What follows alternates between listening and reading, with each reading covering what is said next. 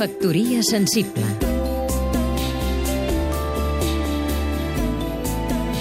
Vicenç Altaió, escriptor Acaba d'aparèixer un llibre excepcional, Diari d'un fonàmbul de Cirici Pellicer, amb edició de Glòria Soler a Coma Negra.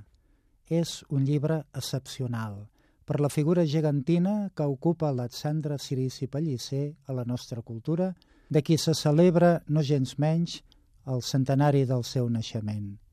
Cirici pertany a la generació partida, la que de joventut va haver de marxar a l'exili, deixant els estudis, i que al seu retorn van aixecar de zero en plena clandestinitat en el franquisme el país sencer. Dos punts, la cultura i la política en una. La cultura vol dir una visió del món, on la creativitat i l'assaig, i l'art il·luminat, i les arts pràctiques, l'arquitectura i el disseny i la comunicació van ser en el centre per construir el que s'havia destruït i per construir un país que vindria.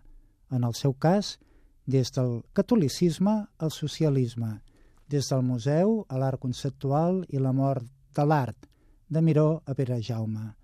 Un llibre excepcional pel material històric. Es tracta d'unes llibretes, un dietari, del 46 al 61, que Sirici omplenava dia a dia, un document d'un sonàmbul per a la història. I finalment un llibre excepcional perquè l'editora Glòria Soler l'ha convertit en una mena de quadern gris, una peça literària de primera.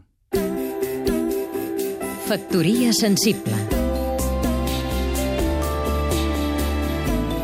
Seguim-nos també a catradio.cat